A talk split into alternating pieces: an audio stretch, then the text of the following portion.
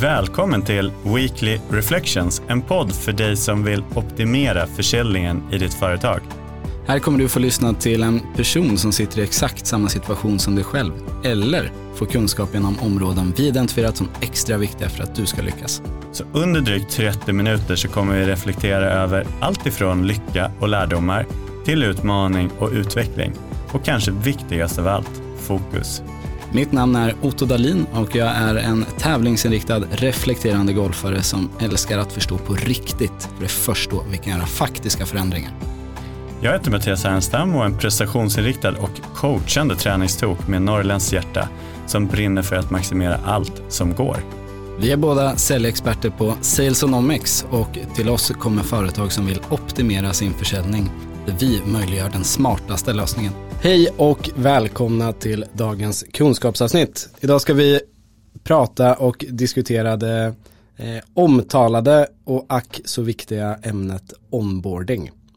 Eh, innan vi gör det så kör vi en sedvanlig incheckning. Och Mattias, jag är nyfiken på vad är det bästa som har hänt ifrån helgen som nyligen passerat här? Det bästa som har hänt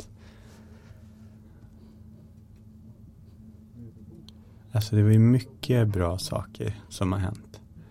Jag skulle säga, om jag väljer ett ögonblick så handlade det om en middag med vänner där vi eh, satt och ja, vi, vi hade ett, ett spel som heter Vertellis som betyder typ berätta mer.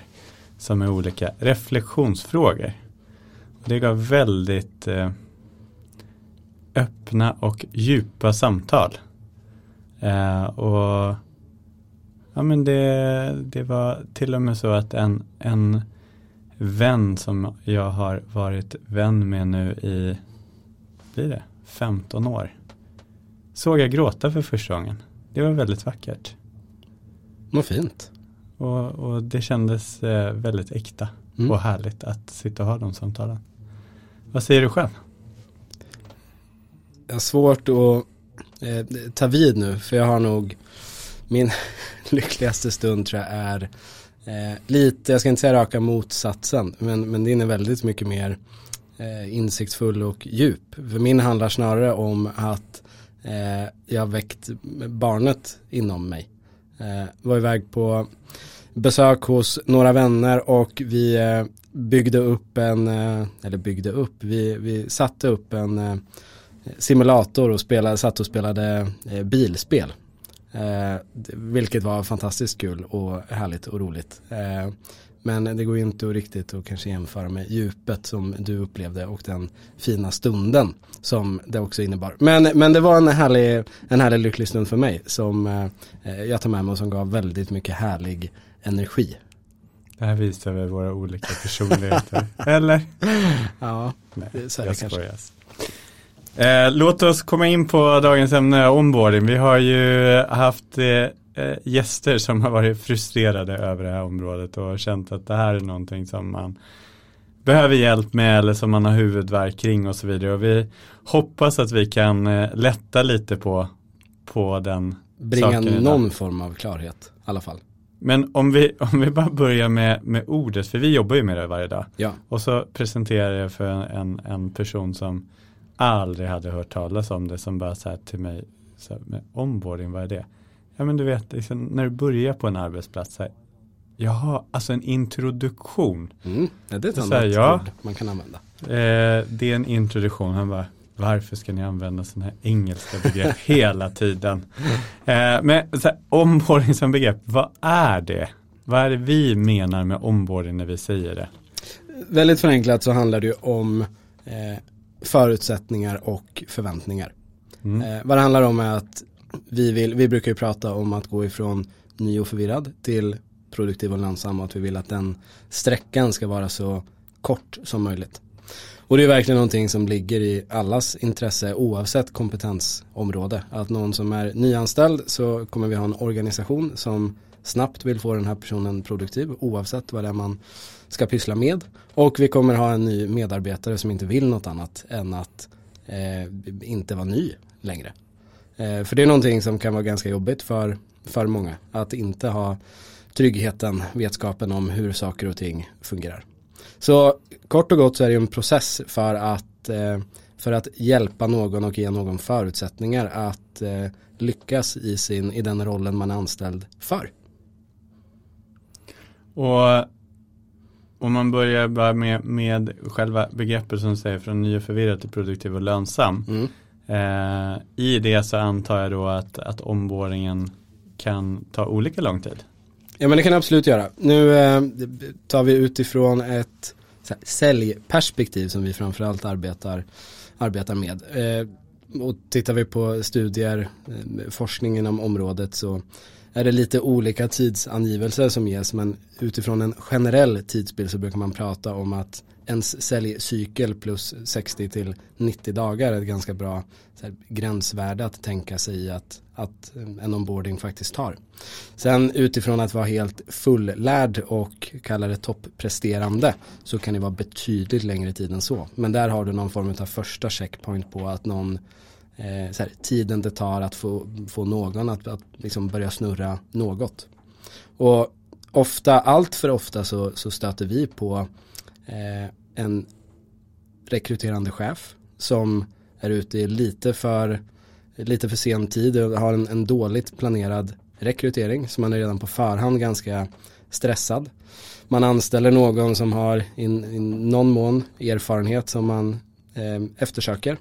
Och det finns också en förväntan om att den här personen ska komma in och bidra med, med business eller med intäkter ganska snabbt och ganska omgående. Så vi har en stressad chef på ena sidan bordet. På andra sidan bordet så har vi en, en ny eh, person, säljare, som eh, återigen inte vill något annat än att eh, prestera men som inte har fått några förutsättningar utifrån kunskap, verktyg, eh, processer, förståelse generellt i att faktiskt ta sig framåt i sin utveckling, i att ta sig mot sin första affär. Och här har vi ett typexempel på vad som är en, en mina som är lätt att gå på. För det här kommer ju skapa en, en tråkigt negativ nedåtgående eh, spiral med en stressad säljchef som undrar vart resultaten är och en ny säljare som vill leverera men som inte har verktyg att leverera. Och bara om man, om man, om man tittar på tidsfaktorn i sig så eh, jag hade ett möte senast i morse där vi pratade just onboarding som begrepp och där personen sa att det, ja men eh, våran onboarding är två veckor. Eh, och det är oftast det vi, vi kan möta på. att Man kan säga två veckor, vissa säger två dagar, andra säger en vecka och så vidare. Så att jag tror verkligen så här en, en första takeaway från det här kunskapsavsnittet är ju verkligen att förstå hur lång onboardingperioden är i ditt bolag från ny och förvirrad till produktiv och lönsam. Vad, vad är den och vad behöver den fyllas med är Precis. ett viktigt steg att, att ta.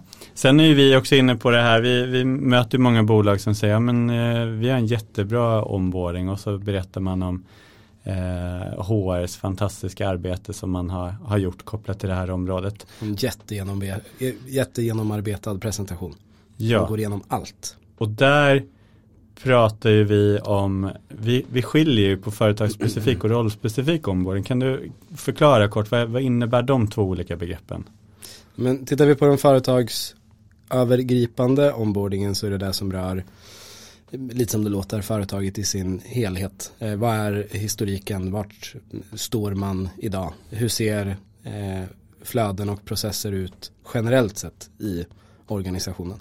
Medan den rollspecifika handlar ju om liksom, verktygen, färdigheterna som krävs för att du ska ta dig fram i din roll. Och återigen i exemplet säljare vad behöver du veta, göra och kunskap om för att du hela tiden ska ta dig ett steg närmare din första affär. Och där kan vi se att de företag som har kommit någonstans eh, har ju oftast ett, ett bra tänk eller ett grundläggande tänk för den företagsspecifika omvårdningen.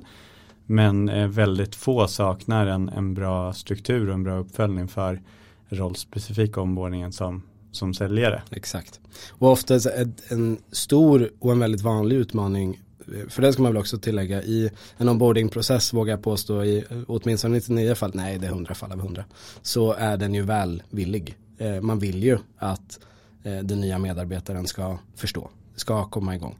Men vad felet man ofta gör är att man levererar alldeles för mycket information på alldeles för kort tid och har en förväntan om att eh, allting ska fastna, landa och att man ska kunna göra någonting av det här.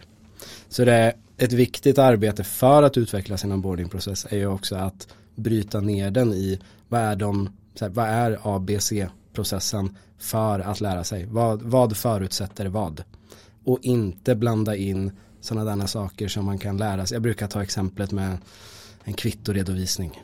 Eh, är det viktigt att vi ska, oavsett om den presentationen, om den representant ifrån ekonomiavdelningen, att vi ska gå igenom hur ekonomisystemet funkar och hur vi redovisar kvitton. Är, är det, det viktigaste, den viktigaste prioriteringen dag tre?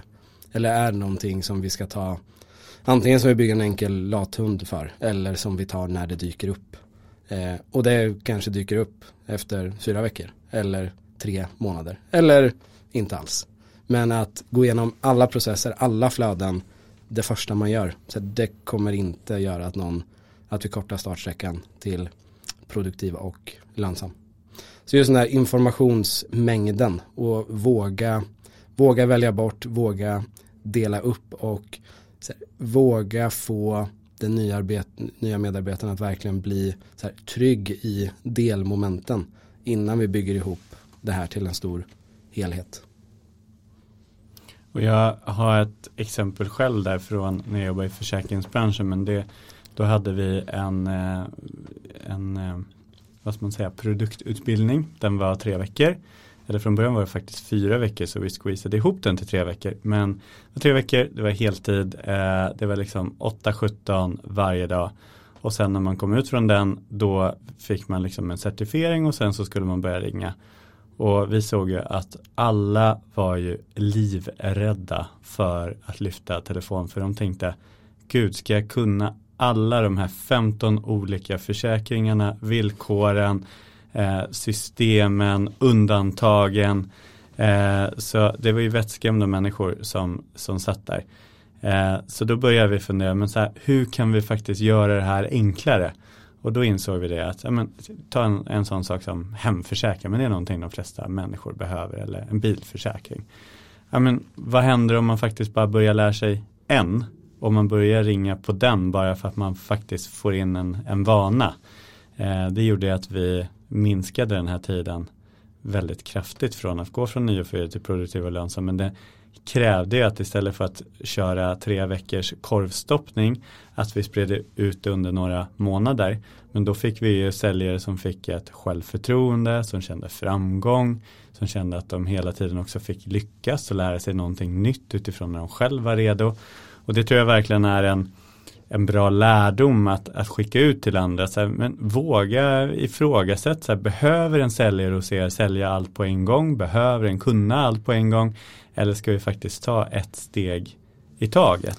Ja, men jag tror där är du inne på, inne på en viktig del utifrån den tankevurpan jag tror många gör. Att man har en tanke om att ja, men lägger vi, har vi nu två eller tre eller fyra veckor ombording komprimerat då kommer vi kunna vara uppe och snurra månad två. Och en rädsla inför, sprider vi ut det på tre månader, ja men då kommer vi inte få något resultat alls på tre månader. Men så behöver ju eh, verkligen inte vara, här, verkligen inte vara fallet. Det var ju nästan påstå att så här, det kommer vara förutsättningen för att någon kan generera ett resultat så snabbt som möjligt. För det, det handlar ju heller inte om att vi ska sprida ut, göra onboardingen lång bara för att. Och det innebär ju inte att vi inte ska blanda in faktiska, så här, praktiska moment tidigt. Men det handlar ju om vilka moment vi blandar in när. Men du som är specialist på det området, vi brukar dela in det i tre stycken huvudrubriker. Precis. För att kunna strukturera sin omvårdnad. Skulle du kunna gå igenom, vilka, vilka tre är de? Ja, men de, de tre temana som brukar prata om är ju lära, göra, leverera. Och återigen så utifrån hur ens cellprocess, cellcykel eh, ser ut idag så kan de här eh, tidsperioderna vara olika långa. Men att de finns är en, ändå en, ett, ett råd som jag vill skicka med. Eh, och det handlar om, eh, och det är en viktig, viktig del att lyfta också, för det här med att, att sätta tydliga förväntningar tidigt, eh, det är viktigt. Men att förväntningarna ofta, eller när vi pratar förväntningar gentemot en säljorganisation så blir det lätt att vi kopplar det till, ett, till en aktivitet som ska vara eh, affärsdrivande eller intäktsdrivande. Eh, men vi kan fortfarande arbeta med förväntningar men utifrån kunskapskopior, utifrån ett lärande perspektiv.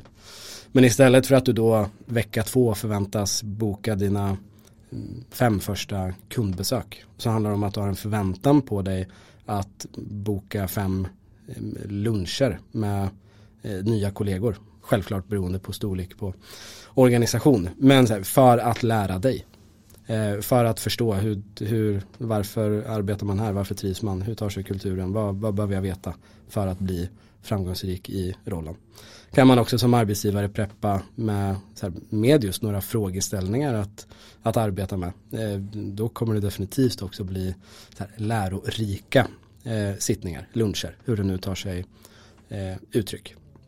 Så det handlar hela tiden om att, att balansera vad det är, vad är kunskap jag måste ha för att liksom ha min progression och utveckling i rollen och vad är balansgången när jag liksom övergår mot att bli mer och mer affärsdrivande och förväntan snarare är på intäkt.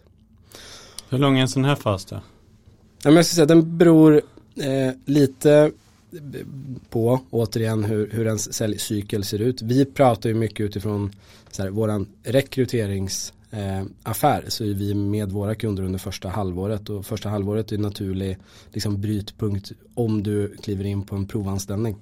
Så oavsett hur lång säljcykel du, du, du har så finns det vissa saker du som arbetsgivare kommer vilja se för att vara trygg med att det här är en person som jag nu vill erbjuda en tillsvidareanställning.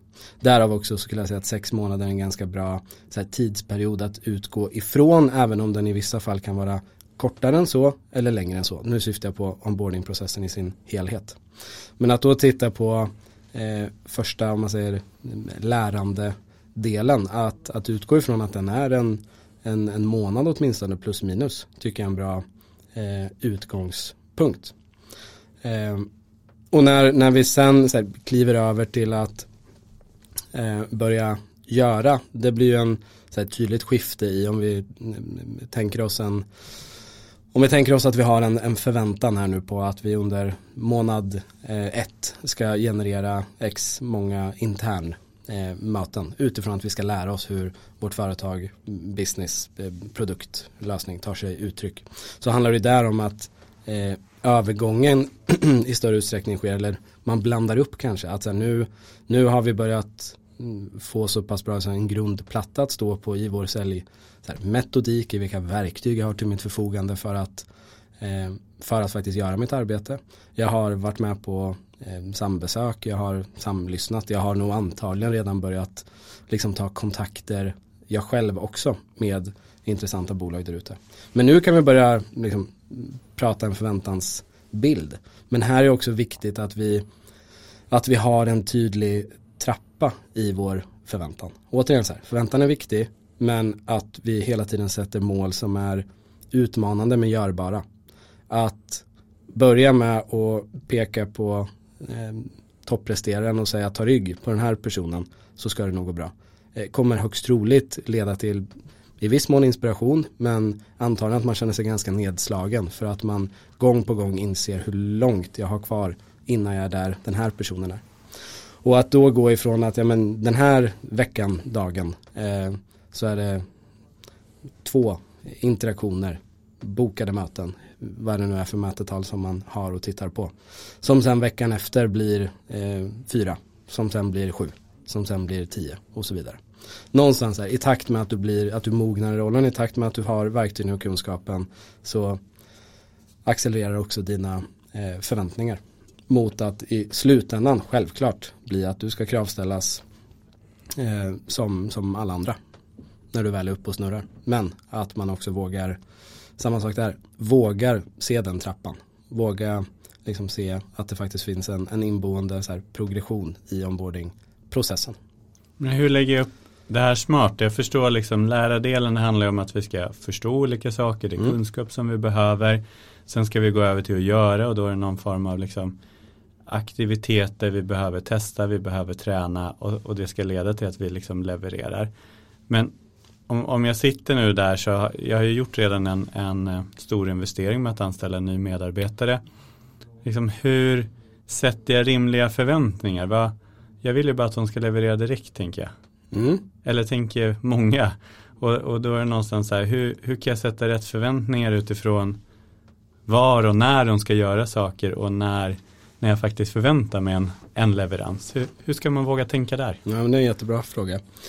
Jag tror, det, det fin, tyvärr så finns det inte liksom ett, ett svar utan alla organisationer där ute kommer sitta på olika svar utifrån hur man arbetar. Men så här, ett, ett bra sätt att få få koll på hur ens egna sanningar ser ut och då syftar jag framförallt utifrån ett så här konverteringsperspektiv. Det är, det är ju att man är skicklig i sitt Eh, systemstöd och administration i sitt systemstöd. Så, så här, vad för alla organisationer vågar jag påstå kommer ha en toppresterare, man kommer ha några som ligger i ett, någon form av medelprestation eh, och antagligen så har du någon eller några som inte presterar i riktigt enlighet med förväntan.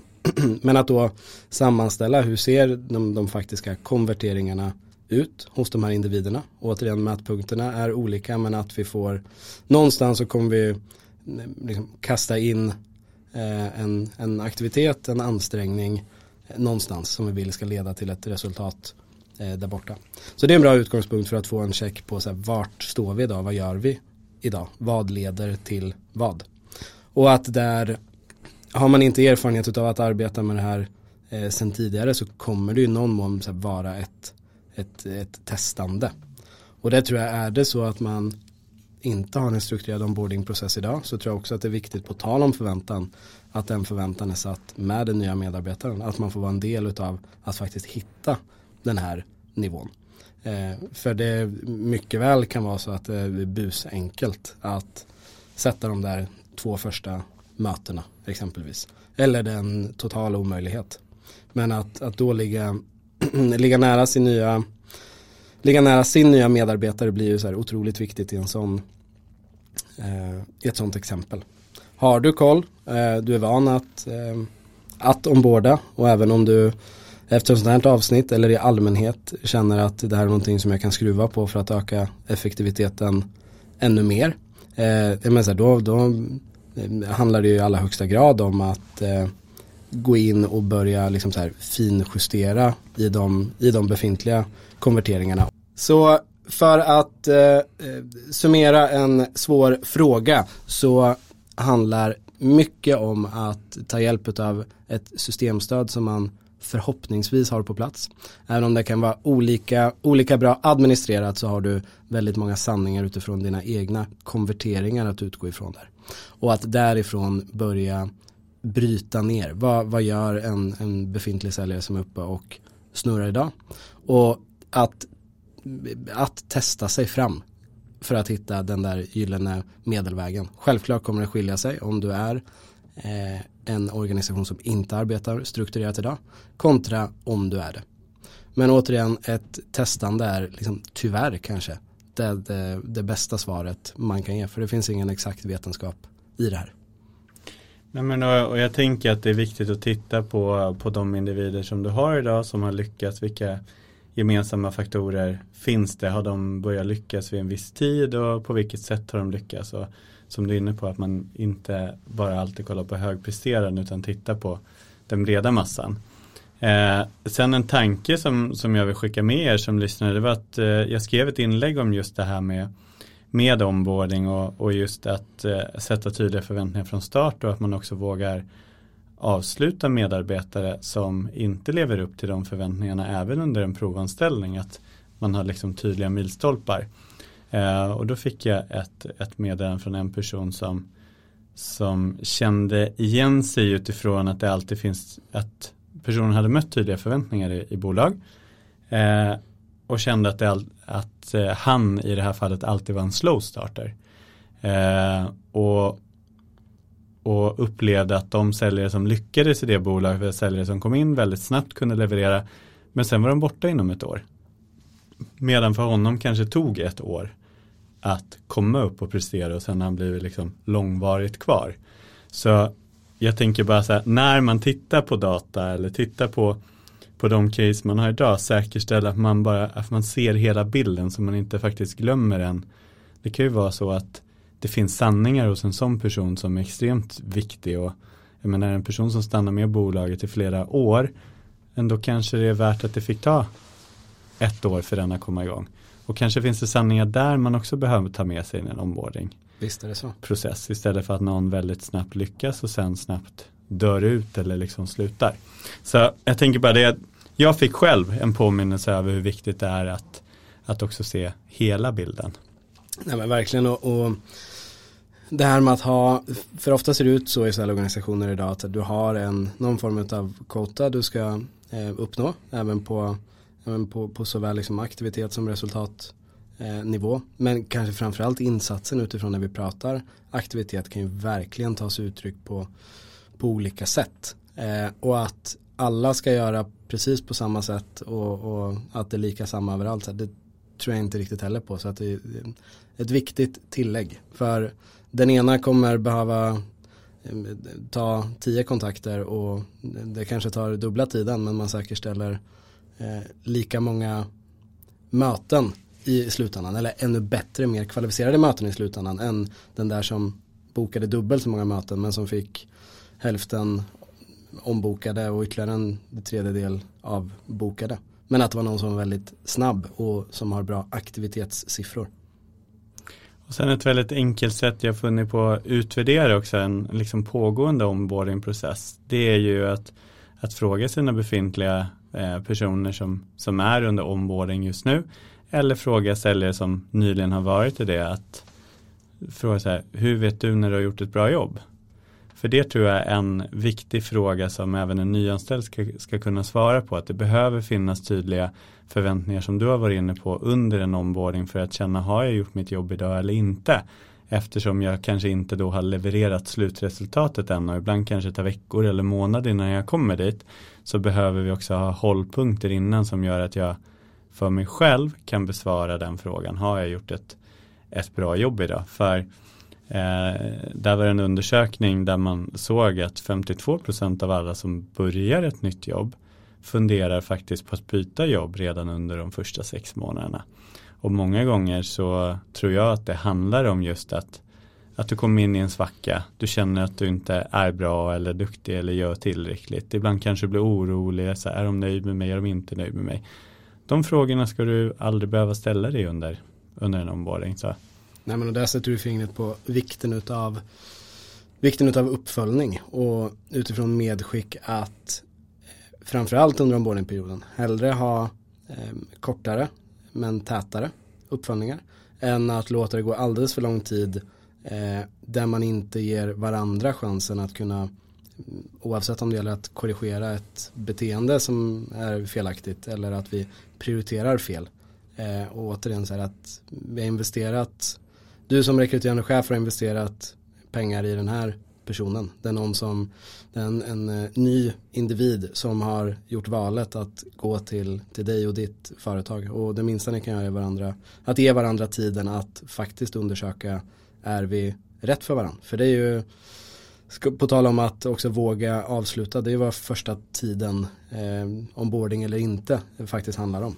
Eh, är vi en bra eh, match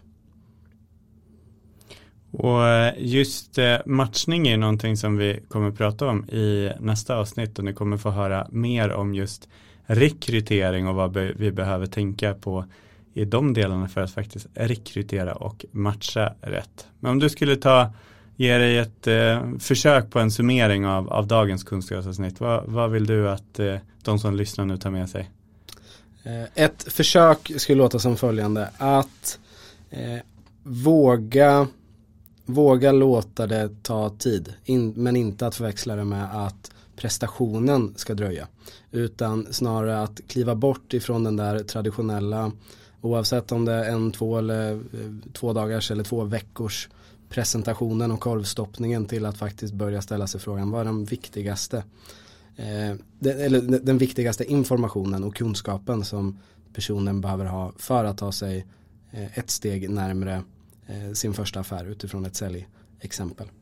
Och att eh, när vi pratar om de här temana att eh, tänka utifrån lära, göra, leverera och verkligen låta det styra förväntan och de innehållet under den tidsperioden oavsett hur, hur länge du väljer att den här tidsperioden ska vara. Uppföljning Eh, hellre, som vi var inne på här nu, hellre eh, korta eh, avstämningar, uppföljningar med täta mellanrum än att göra det eh, alldeles för köttigt med längre mellanrum med risk för att allt för mycket har hunnit hända och att ni inte i slutändan ger själva chansen att, att undersöka om det här faktiskt eh, är och kan bli bra. Härligt, det var ett eh, bra försök. Så eh, tack för att ni lyssnade på oss idag. Tack ska ni ha. Vi hoppas att du har fått några konkreta insikter om ämnet onboarding. Att det handlar både om vad personen behöver förstå i form av ren kunskap, vad den sen behöver göra för att i slutändan kunna leverera och hur viktigt att vi tar det både i den ordningen och skapar en strukturerad onboardingplan. I nästa avsnitt så kommer du få träffa en ny spännande gäst. Vi kommer att få besök av Johan Jakobsson som är VD och medgrundare till IT-konsultföretaget Sylog. Och du kommer få höra om eh, deras spännande tillväxtresa, hur allting startade och viktiga lärdomar på vägen. Så missa inte avsnittet med Johan.